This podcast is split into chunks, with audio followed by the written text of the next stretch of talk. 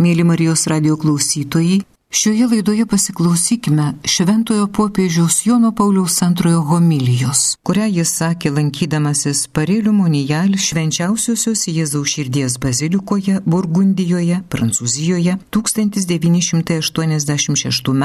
spalio mėnesio 5 d.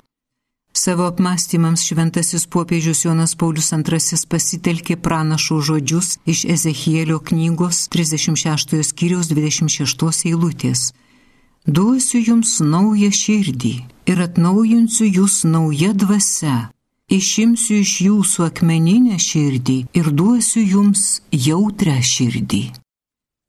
Brangus broliai ir seserys, Esame tokioje vietoje, kurioje šie pranašo Ezechielio žodžiai skamba galingai. Juos čia patvirtino vargšė, pasislėpusi dieviškosios mūsų viešpatie širdies tarnaitė, šventoji Margarita Marija, kuri gimė 1647, o mirė 1690 metais. Daug kartų istorijoje šio pažado tiesa buvo patvirtinta per apreiškimą bažnyčioje, per šventųjų, mistikų, Dievui pasišventusių sielų patirtį. Tai liudija visa krikščioniškojo dvasingumo istorija. Dievą tikinčių žmogaus gyvenimas, viltimi besitęsiantis į ateitį ir pašauktas į meilės bendrystę, yra širdies, vidinio žmogaus gyvenimas. Ja nušviečia žavi Jėzaus širdies tiesa Jo tiesa žavi, nes pats Jėzus save aukoja už pasaulį.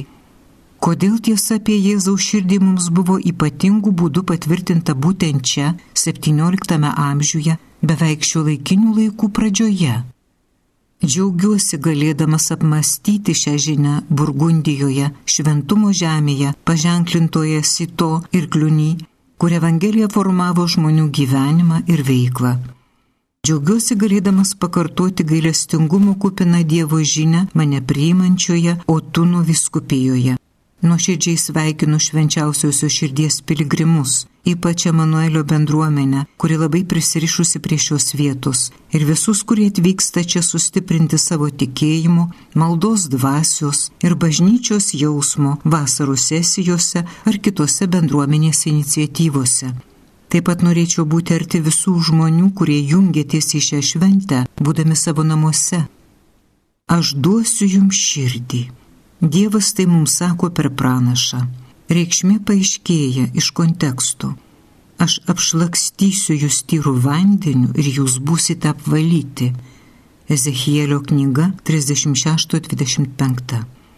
Taip, Dievas išgrynina žmogaus širdį. Širdis, sukurta kaip meilė žydinys, tapo Dievo atmetimu, nuodėmingo žmogaus nusigrėžimo nuo Dievų ir prisirišimo prie įvairiausių stabų žydinių. Šiuo atveju širdis yra nešvari. Tačiau kai šis vidinis žmogaus žydinys atsiveria Dievui, jis vėl atgauna kūrėjo nuo pat pradžių jam įskiepytų atvaizdo ir panašumo tyrumą Širdis taip pat yra centrinis atsivertimo žydinys, kurio Dievas trokšta iš žmogaus ir žmogui, kad įžengtų į jo vidų, į jo meilę. Dievas sukūrė žmogų, kad jis nebūtų nei abejingas, nei šaltas, bet atviras Dievui. Kokie gražūs pranašo žodžiai. Aš išimsiu iš tavęs akmeninę širdį ir duosiu tau kūno širdį. Ezechielio knyga 36-26. Kūno širdis širdis, kuri turi žmogišką jautrumą ir širdis galinti leisti, kad ją užkariautų dvasios dvelgsmas. Štai ką sako Ezekielis, duosiu jums naują širdį, įdėsiu į jūs naują dvasę, įdėsiu į jūs savo dvasę. Ezekielio knyga 36, 26, 27 eilutės.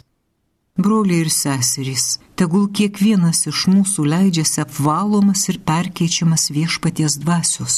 Tegul kiekvienas iš mūsų jame randa įkvėpimą savo gyvenimui, šviesą ateičiai ir išgrynina savo troškimus. Šiandien norėčiau ypatingų būdų pranešti šeimoms gerą žinę apie nuostabę dovaną. Dievas dovanoja širdies tyrumą, Dievas leidžia gyventi tikrą meilę. Pranašų žodžiai pranašauja Evangelijos patirties gilumą. Būsimasis išgelbėjimas jau yra dabar. Bet kaip dvasia ateis į žmonių širdis, kokia bus Izraelio Dievo taip trokštama transformacija? Tai bus Jėzaus Kristaus darbas. Amžinojo sūnaus, kurio Dievas nepagailėjo, bet atidavė už mus visus, kad suteiktų mums visą malonę kartu su juo. Apie tai galime paskaityti Šventojo apaštalo Pauliaus laiško romiečiams aštuntame skyriuje. Dievas mums padovanojo savo sūnų, kad kartu su juo atiduotų mums viską. Tai bus nuostabus Jėzaus darbas. Kad tai būtų atskleista, reikės palaukti iki pabaigos, iki jo mirties ant kryžiaus. Ir kai Kristus atidavė savo dvasę į tėvo rankas, palyginti Evangeliją pagal Luką 23.46, įvyko šis įvykis. Tada atėjo kareiviai Bet jie priejo prie Jėzaus ir pamatė, kad jis jau miręs. Vienas iš kareivių smogė jam jėtimi į šoną ir to jau pasipylė kraujas ir vanduo. Šis liudijimas užrašytas apaštalo ir evangelisto Jono Evangelijoje pagal Joną 19 skyriuje 32-34 eilutėse. Įvykis atrodo įprastas, Ant Golgotos vyksta paskutinis romėnų egzekucijos veiksmas - nuteistojo mirties patvirtinimas. Taip, Jėzus yra miręs, jis tikrai miręs. Ir savo mirtimi jis atsiskleidė iki galo. Perverta širdis yra jo paskutinis liudijimas. Apaštalas Jonas stovėjęs kryžiaus papėdėje tai suprato, per amžius tai suprato Kristaus mokiniai ir tikėjimo mokytojai. XVII amžiuje viena vizitiečių vienuolė vėl gavo šį liudijimą Parėlių Monijal. Margarita Marija Alakok perdavė jį visai bažnyčiai naujųjų laikų aušroje. Per savo sūnaus širdį pervertant kryžiaus, tėvas mums net lygintinai davė viską. Bažnyčia ir pasaulis gauna užtarėją, šventąją dvasę. Jėzus pasakė, o kai aš išeisiu, atsiųsiu jį pas jūs. Evangelija pagal Joną 16.7. Jo perverta širdis liudyja, kad jo nebėra. Galiausiai jis atsiunčia tiesos dvasę. Vanduo tekantis iš jo perverto šono yra šventosios dvasios ženklas. Jėzus Nikodemui paskelbė apie naują gimimą iš vandens ir dvasios. Evangelija pagal Joną 3.5. Įsipildė pranašo žodžiai. Duosiu jums naują širdį įdėsiu į jūs naują dvasę. Šventoji Margarita Marija žinojo šį žavų slėpinį, pribloškiantį dieviškosios meilės slėpinį. Ji žinojo visą Ezechielio žodžių gelmę. Aš tau duosiu širdį. Per savo paslėptą gyvenimą Kristuje ji buvo paženklinta šio širdies dovanos, kuri neribotai siūloma visoms žmonių širdims. Ji buvo visiškai įsijautusi į šį dievišką įslėpinį išreikštą nuostabioje 103 psalmės maldos pradžioje. Mano siela, šlovink viešpatį ir visa, kas manyje, te šlovina jo šventąjį vardą. Šlovink viešpatį mano siela ir neužmiršk, koks jis geras. Tai, kas yra manyje, reiškia visa mano širdis. Šlovinkite viešpatį. Nepamirškite ne vienos jo malonės Jis atleidžia, jis gydo, jis išgelbsti iš duobės jūsų gyvenimą, jis vainikuoja jūs malonį ir gailestingumu, jis yra geras ir kupinas meilės, jis lietai pyksta, jis kupinas meilės, gailestingos meilės, jis, kuris žino, iš ko esame suformuoti, jis, tikrai jis, Kristus. Visą gyvenimą šventoji Margarita Marija degė gyva šios meilės, kurią Kristus atėjo įžiepti žmonijos istorijoje liepsna. Čia, šioje parėlių monijal vietoje, kaip kadaise paštalas Paulius, nuolankus Dievo tarnas tarsi šaukė visam pasauliui, kasgi mus atskirs nuo Kristaus meilės. Šį klausimą galime rasti laiškė romiečiams 8 skyriuje 35 eilutėje. Paulius kreipėsi į pirmąją krikščionių kartą. Jie žinojo, kas yra suspaudimas, kančia, persekiojimas, badas, nuogumas. Tai patyrė arenose, po žvėrių dantimis ir iš tų kančių jie žinojo, kas yra pavojus ir kalavijas. XVII amžiuje parėlių monijal skamba tas pats klausimas, kurį Margarita Marija uždavė tuo metu krikščionims. Mūsų laikais kiekvienam iš mūsų kyla tas pats klausimas ypač kiekvienam iš mūsų, kai analizuojame savo šeimininio gyvenimo patirtį. kas nutraukia meilės ryšius, kas užgesina meilę, dėl kurios dega žydiniai. Žinome, kad šiuo metu šeimos pernelyg dažnai patiria išbandymus ir lūžius. Per daug porų blogai ruošiasi santuokai, per daug porų įsiskiria ir nežino, kaip išlaikyti pažadėtą ištikimybę, priimti kitą tokį, koks jis yra, mylėti jį nepaisant jo ribotumo ir silpnumo. Tokiu atveju per daug vaikų negauna darnios paramos, kurią jie turėtų rasti tėvų tarpusavio darnoje. Bet to koks prieštaravimas žmogiškai meilės tiesai, kai žmogus atsisako atsakingai suteikti gyvybę ir leidžia mirti jau pradėtam vaikui. Tai tikros lygos, kuri paveikia žmonės, poras, vaikus, pačią visuomenę požymiai. Ekonominės sąlygos, visuomenės įtaka, ateities neapibrieštumas, kuriuo siekiama paaiškinti šeimos institucijos krizės. Jie nebejotinai turi įtakos ir turi būti ištaisyti Tačiau tai negali pateisinti pagrindinio gėrio, tai yra stabilios šeimos vienybės, laisvoje ir gražioje atsakomybėje tų, kurie prisiekia savo meilę, remdamiesi nepaliaujama kūrėjo ir gelbėtojo ištikimybę atsisakymu. Ar ne per dažnai meilė buvo redukuojama į asmeninio troškimo iliuzijas ar jausmų nepastovumą? Ar taip elgdamiesi nenutolome nuo tikrosios laimės, kuris lypi nesavanaudiškoje savęs dovanoje ir kurią antrasis Vatikano susirinkimas vadina kilniu gyvenimo slėpiniu, palyginti Gaudium et Spes 51.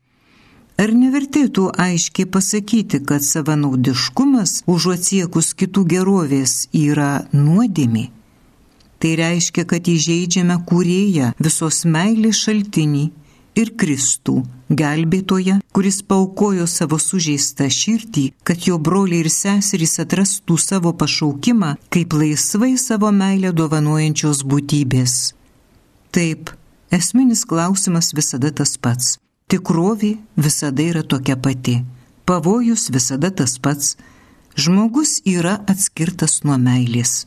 Žmogus išrautas iš giliausios savo dvasinės egzistencijos žemės žmogus vėl pasmerktas turėti akmeninę širdį. Netekęs kūno širdies, kuri geba teisingai reaguoti į gėrį ir blogį. Širdis jautri žmogaus tiesai ir Dievo tiesai. Širdis gebanti priimti šventosios dvasios kvėpavimą. Širdis sutvirtinta Dievo gale. Tas, kuris sako, duosiu jums širdį, nori į šį žodį sudėti viską, kuo žmogus tampa daugiau. Daugelio šeimų liudėjimai rodo, kad ištikimybės dorybės daro žmogų laimingą, kad sutuoktinių dosnumas vienas kitam ir kartu savo vaikams yra tikrasis laimės šaltinis. Savęs įvaldymo pastangos, vienas kito ribų įveikimas, atkaklumas įvairiomis egzistencijos akimirkomis veda į pilnatvę, už kurią galima dėkoti. Tuomet galima ištverti visus išmėginimus, mokėti atleisti skriaudą, priimti kenčiantį vaiką, meilės grožių nušviesti kito žmogaus, net silpno ar neįgalaus gyvenimą. Todėl norėčiau paprašyti visų palydėtojų, padedančių šeimoms orientuotis, aiškiai pristatyti joms teigiamą paramą, kurią jos gali rasti bažnyčios moralinėme mokyme. Šiandieninėje painioje ir prieštaringoje situacijoje būtina grįžti prie paštališkojo paraginimo familiaris konsorcijo, kuriame išreikšta visa susirinkimo ir popiežiškojo magisterijumo doktrina, analizės ir taisyklių. Antrasis Vatikano susirinkimas priminė, Dieviškasis įstatymas atskleidžia visą santokinės meilės prasme, saugoja ir skatina ją siekti tikrai žmogiško tobulumo. Gaudium et spes 50.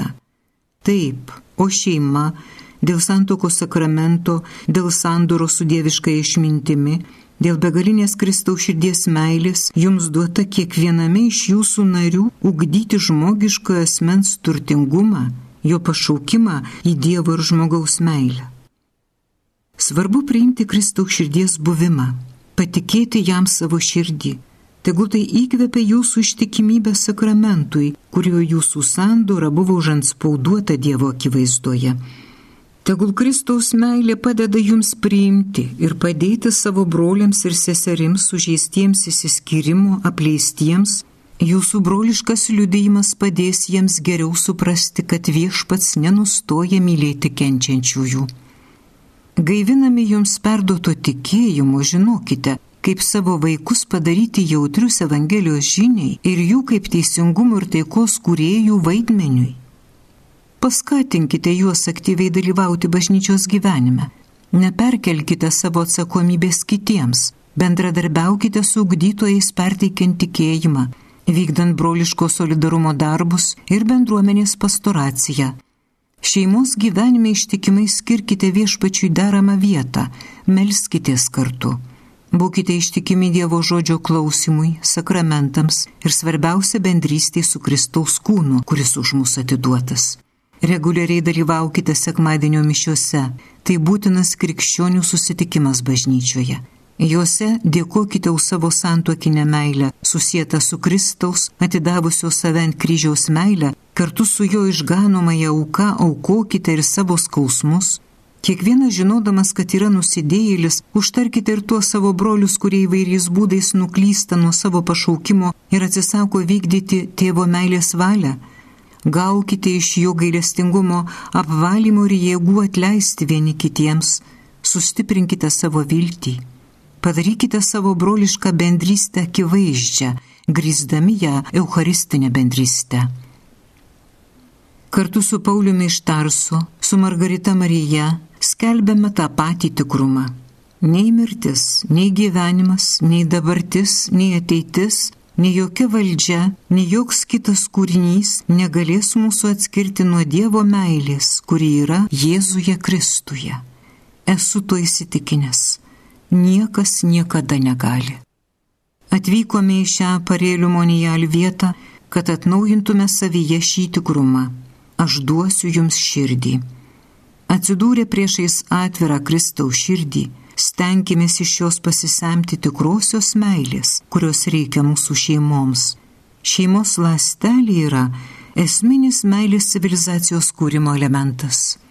Visur visuomenėje, mūsų kaimuose, kaiminystėje, gamyklose ir biuruose, tautų ir rasių susidūrimuose akmeninė širdis, išdžiūvusi širdis turi virsti kūno širdimi, atvira broliams, atvira Dievui. To reikalauja taika, žmonijos išlikimas. Tai viršyje mūsų jėgas. Tai Dievo dovana, jo meilės dovana. Mes turime jo meilės tikrumą. Kai Jėzus pasirodė šventąją mergelį Marijai Alakok, jis norėjo parodyti savo begalinę meilę žmonijai ir troškimą būti mylimam. Nėra jokių duomenų rodančių, kad ši vienuolė būtų ką nors žinojusi apie šį pamaldumą iki apreiškimo ar kad būtų atkreipusi į jį dėmesį. Apreiškimų būta daug ir jie buvo ypatingi. Apreiškimas įvykęs 1673 m. gruodžio 27 d. per Švento Jono šventę kai Jėzus leido Marijai Margaritai, kaip kažkada šventai Gertrūdai, priglausti galvą prie jo širdies ir atskleidė jai savo meilės stebuklus, sakydamas, kaip jis trokšta, kad visa žmonija apie tai sužinotų, kad jo gerumo lobiai pasklistų ir kad šiam darbui įsirinko ją, seserį Mariją Margaritą Lakok. Šis apreiškimas, kuriame Jėzus paprašė, kad būtų pagerbtas per jo širdį, nuvilnijo per visą pasaulį. Tuo prieškimo metu Jėzus pasirodė švytintis meilę ir paprašė pamaldumo atpirkimo meiliai, dažnai priimant komuniją. Tais laikais komuniją priimdavo tik kartą per metus, taip pat priimant komuniją kiekvieną mėnesio pirmąjį penktadienį ir laikyti šventosios valandos. Šis apreiškimas vyko 1674 m. birželį ar liepą. Dar vienas apreiškimas, vadinamas didžiuoju, įvykęs per švenčiausiojo Kristaus kūno ir kraujo oktavą 1675 m. birželio 16-ąją, taip pat įėjo į pamaldumo istoriją. Tuomet viešpats Jėzus pasakė, štai širdis, kuri taip mylėjo žmonės, vietoj padėkos iš didesnės žmonijos dalies susilaukiu tik nedėkingumo ir paprašė Marijos Margaritos atsilyginimo šventės penktadienį po Kristaus kūno oktavos, liepdamas jai pasitarti su tėvu Klodu Dela Kolombieru, kuris tuo metu buvo nedidelių jėzuitų namų parė miestelėje vyresniojų. Per apreiškimą Marijai Margaritai buvo parodyta švenčiausioji širdis liepsnuose, akinanti labiau saulę ir skaidri kaip krištolas su garbinama žaizda. Širdį juose ir škiečių vainikas, simbolizavęs žmonių nuodėmių sukeltas kančias o ant širdies uždėtas kryžius, kuris reiškia, jog nuo pat pirmosios įsikūnijimo akimirkos, nuo tos akimirkos, kai susiformavo švenčiausioji širdis, ant jos buvo uždėtas kryžius. Pagal šią viziją Marija Margarita nupiešė atvaizdą, kurį bažnyčia garbina ir šiandien - liepsna, erškiečių vainiką ir kryžių. Galiausiai vyko prieiškimai, per kuriuos Marija Margarita buvo paprašyta, kad švenčiausiąją Jėzaus širdį iškilmingai pagerbtų ir Prancūzijos karalius, o naujojo pamaldumo skleidimas buvo patikėtas vizitėms bei Jėzaus draugijos kunigams. Pažadai Jėzaus širdies garbintojams neatskiriami nuo Evangelijos reikalavimų, ypač kvietimo vykdyti tėvo valią ir siekti vis glaudesnės vienybės su Jėzumi. Tad pamaldumas Jėzaus širdžiai tai pamaldumas, kuris veda į vienybę su Kristumi, į priklausimą jam, į supanašėjimą su juo. Tad reikėtų įsipareigoti visiškai ir nuolat mylėti Jėzų Kristų. Pamaldumas į švenčiausiąją širdį mus prie to pratina. Išganytojo širdis kviečia sugrįžti prie tėvo meilės, kuri yra tikros meilės šaltinis. Meilė ne tai, kad mes pamilome Dievą, bet kad jis mus pamilo ir atsiuntė savo sūnų kaip permaldavimą už mūsų nuodėmes. Jėzus nuolatos gauna iš tėvo, jis yra pilnas malonės ir gailestingumo, meilės, kurią dosniai išliejant žmonių. Jo širdis ypatingai preiškia Dievo dosnumą nusidėjėliams. Į nuodėmę Dievas reaguoja nesumažindama savo meilę, bet išplečia ją ir užtvindo savo malonę, kuri tampa atpirkimo pradžia. Todėl rekomenduoju Jums pašvesti savo šeimas Jėzaus širdžiai, praktikuojant pirmuosius mėnesio penktadienius. Karštai tikiuosi, kad Jūsų parapija taps karšto dvasingumo centru. Dirbkite su atsidavimu ir pasitikėjimu kad švenčiausioji Jėzaus širdis viešpatautų kiekvienoje jūsų parapijos šeimoje. Mėly Marijos radio klausytojai, šioje laidoje girdėjote Šventojo popiežiaus Jono Pauliaus antrojo homiliją, kurią jis sakė lankydamasis Parėlių Monijal švenčiausiosios Jėzaus širdies basilikoje, Burgundijoje, Prancūzijoje 1986 metais. Skaitė Violeta Mitskevičiūtė.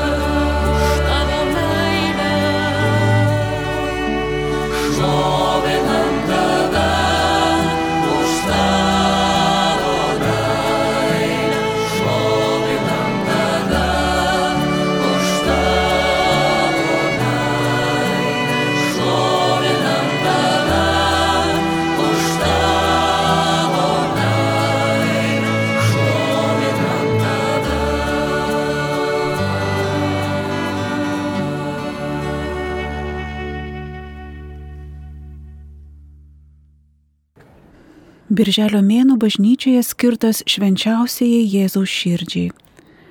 Kas vakarą prie išstatyto švenčiausio sakramento gėdama švenčiausios Jėzaus širdies litanija. Taip norime padėkoti Dievui už jo atvirą širdį, už jo dosnumą mus stiprinti ir savo širdyse sužadinti mūsų viešpaties meilę ir gailestingumą. Dažnai žmonės, šeimos, bendruomenės ir valstybės prie išstatyto švenčiausiojo sakramento pasiaukoja švenčiausiai Jėzaus širdies garbiai. Taip atveriame save didesniai Dievo meiliai ir trokštame gyventi pagal Jėzaus nusistatymą, nepristikti pasiaukojimo dvasios. Prieimę šventąją komuniją tampama Jėzaus gyvenimo dalininkais mistinio Kristaus kūno nariais. Kristaus mistinis kūnas, bažnyčia, nuolat kviečia tikinčiuosius pažvelgti į savo širdį, pasitikrinti, kiek ten meilės, pasiaukojimo, gailestingumo bei tarnystės dvasios Dievui ir artimiesiems. Jėzaus amžinojo tėvo sunaus širdis gerbiama kalbant arba gėdant švenčiausiosios Jėzaus širdies litaniją. Joje įvairiais titulais apibūdinama švenčiausioji Jėzaus širdis kaip asmens centras. Dievo sūnus tapo žmogumi, gavo vardą Jėzus, o jo žmogiškoji širdis taip pat yra amžinojo tėvo sūnaus širdis. Kai žiūrime į vaiką, paprastai galvojame apie jo tėvus ar jis panašus į juos savo išvaizdą, šeimoje dažnai domimės, iš ko kas nors turi plaukus ir iš ko paveldėjo akių spalvą. Džiaugiamės, kai randame panašumų. Džiaugiamės, kai sutinkame gerai besielgiantį žmogų ir kartais kyla mintis, kad tai turi būti šeimos namų mokykla, tėčio ir mamos pavyzdys. Kartais pagauname save vartojant tuos pačius žodžius, kuriuos vartojo mūsų tėvai. Nors nuo tada, kai išmokome kalbėti ir vaikščioti, praėjo daug metų, savo žodžiuose vis dar girdime tėvo ir motinos kalbą. Mes nesamoningai mėgdžiojame jų gestus, nors jie galbūt jau yra kitame pasaulyje. Šiandien jie taip pat yra čia mumyse mūsų jautrume, mąstyme ir jausmuose, žodžiu visuose mumyse. Litanija į Jėzaus širdį prasideda labai šeiminiškai. Ji primena mums, kieno sunus yra Jėzus. Tai labai svarbu, nes tik žvelgdami į Jėzų galime pažinti ir suprasti, koks yra Dievas. Ką reiškia, kad Jis yra tėvas? Dievas taip pamilo pasaulį, jog atidavė savo viengimi sūnų, kad kiekvienas, kuris jį tiki, turėtų amžinai gyvenimą. Šios jaudinančius ir gražius žodžius mums pasako pats sūnus. Jis atskleidžia mums savo paslapti, savo gyvenimo prasme. Viešpats Jėzus nori pasidalyti su manimi ir su jumis tuo, kas jam brangiausia, kas jis yra.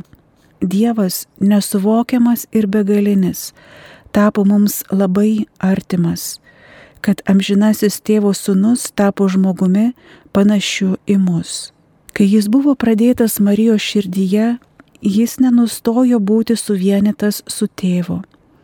Dvylikametis Jėzus Jeruzalės šventykloje sako Marijai ir Juozapui. Argi nežinojote, kad aš turiu būti tame, kas priklauso mano tėvui. Per Jėzaus krikštą Jordano upėje ir per atsimainimą ant taboro kalno buvo girdimas Dievo tėvo balsas. Tu esi mano mylimasis sunus, tavimi aš geriuosi. Jėzus taip pat sakė apie save. Tėvas yra manyje ir aš esu tėve. Kai šventasis Tomas prašo mokytojo parodyti jiems apaštalams tėvą, Jėzus jam atsako, Pilypai, aš jau tiek laiko esu su tavimi, o tu dar nepažįsti manęs. Kas matė mane, matė ir tėvą. Teisme, kai Jafo paklaustas, ar jis yra Dievo sūnus, Jėzus tvirtai tai patvirtina, nors žino, kad už tai turės sumokėti gyvybę. Jėzaus mirtis užanspaudavo viską, ką jis buvo sakęs apie save. Ir kaip po savo gyvenimo, po skausmingos mirties ir vėlesnio prisikelimo jis įžengė į dangų, jis nepaliko mūsų. Dabar šios meditacijos metu esame arti jo. Jis pats yra švenčiausiame sakramente. Mums, kurie čia klūpome, plaka jo dieviškoji širdis, amžinojo tėvo sunaus širdis. Pažvelkime į šią širdį ir pamatysime Dievo širdį. Jėzus darė tai, ką matė darant savo tėvą. Kai jis šipsojosi savo mokiniams, kai lietė raupsuotuosius, kai apkabino vaikus, kai mokė žmonės grožio ir gėrio, kai galiausiai prisijėmė mūsų blogį, Visu tuo jis buvo panašus į savo tėvą. Taigi mūsų religija yra labai šeiminiška. Tai didžiausi Dievo mums pasakyti slėpiniai, išsakyti artimais ir jaudinančiais žodžiais - tėvas, sunus, meilė ir vienybė. Juk trejybės slėpinyje yra kažkas iš šeimos Šiandien verta tai aiškiai suvokti ir po šios adoracijos parsinešti namo. Dievas yra tarsi trijų dieviškųjų asmenų šeima. Dievas mane myli, jis nori, kad būčiau jo namuose. Dievas myli mane kaip savo sūnų. Dievas myli ir nori išgelbėti mano šeimą. Šiam Dievo sūnui, kuris iš meilės mums tapo žmogumi ir nužengė į žemę, esame skolingi didžiausią pagarbą. Mūsų atsidavimas yra gyvajam Jėzui, kuris myli mus savo širdimi. Tačiau šiuo pamaldumu norime pagerbti ne tik fizinę, dieviškąją ir žmogiškąją širdį. Širdis yra meilės simbolis. Norime švesti mūsų gelbėtojo meilę, kuri atvedė jį į žemę, nuvedė prie kryžiaus ir davė mums Euharistiją. Į šias ir kitas gelbėtojo meilės apraiškas stengsimės atsakyti meilę. To mokomės visą gyvenimą iš Jėzaus asmens. Tobuliausia žmogaus širdis tai mūsų išganytojo Jėzaus Kristaus širdis. Minių minios sekė paskui Jėzų Žmonės, kurie turėjo laimės jį pažinti, su juo bendrauti, tuo jį pamildavo ir palikę namus, šeimas, darbą, sekdavo Jėzų, ieškojo susitikimo su juo. Apie tai liudyja visos keturios Evangelijos. Morkaus Evangelijoje skaitome. Labai anksti, dar neprašvitus, Jėzus atsikėlęs nuėjo į negyvenamą vietą ir tenai meldėsi. Tačiau Simonas ir jo draugai suradę jį pasakė, visi tavęs ieško. Arba kitoje vietoje Jėzus su mokiniais pasitraukė prie ežero, įkandin sekė didelę minę iš Galilėjos. Taip pat iš Judėjos, Jeruzalės ir Įdumėjos, iš Anapus Jordano bei iš Tyro ir Sidono šalies atvyko daugybė žmonių. Jėzui žengiant į Jeruzalę, gausi minė žmonių su palmių šakomis išėjo jo pasitikti. Minė džiaugsmingai šaukė, Osana, garbė tam, kuris ateina viešpaties vardu. Kodėl? Kas taip traukia žmonės prie Jėzaus? Atsakymas vienas. Jėzaus širdyje liepsnojanti neišpasakyta meilė žmonėms. Vaikščiodamas Galilėjos, Samarijos, Tyro bei kitų sričių kaimais ir miestais, jis ne tik mokė ir skelbė gerąją naujieną, bet gydė ligonius, išvarinėjo demonus, šluostė ašaras našlėms. Pas jį rinkdavosi visokie muitininkai ir nusidėliai jo pasiklausyti nes Jėzus kiekvienam rasdavo paguodžianti, nuraminantį žodį, suteikdavo vilti gražesniam, prasmingesniam gyvenimui. Jėzus ir šiandien dovanoja mums savo meilę. Jis yra mūsų gyvenimas. Aš atėjau, kad žmonės turėtų gyvenimą, kad apščiai jo turėtų. Ir kas tiki, tas turi amžinai gyvenimą, sako Jėzus. Savo meilę jis įrodo aukodamas save ant kryžiaus, nes nėra didesnės meilės, kaip gyvybę už draugus atiduoti. Evangelijoje pagal Joną pasakojama, kaip kareivis jėtimi perdurė Jėzų šoną ir to jau ištekėjo kraujo ir vandens. Šiame kraujyje ir vandenyje matome ne tik dvasę ir žodį, bet ir krikštą bei Eucharistiją, pagrindinius krikščionių sakramentus. Taigi katalikų bažnyčios teikiami sakramentai kyla iš Kristaus kryžiaus, iš jo atverto šono, iš jėtimi perdurto širdies. Šios dienos šventė kviečia mus eiti pas Jėzų, atverti savo širdį, kad gautume daugiau meilės, be paliovos trykštančios iš jo širdies. Pasistiprinę jo meilę mes turime ir jam savo meilę darbais įrodyti. Nekartą sakiau ir šiandien dar kartą pakartosiu Šventojo Jokūbo žodžius.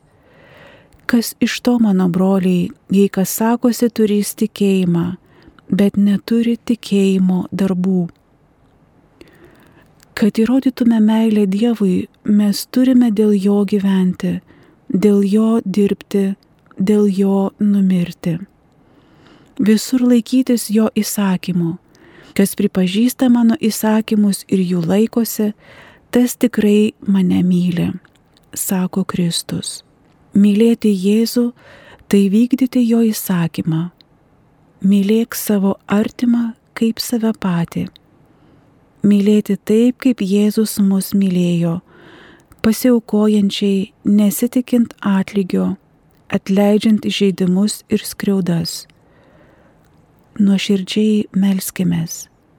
Švenčiausioji Jėzų širdie, šloviname ir dėkojame tau už tavo beribę niekada nesibaigiančią meilę. Pripildyk ir mūsų širdis savoje meilės šviesa, kuri per mus šviestų ir sklistų visame pasaulyje.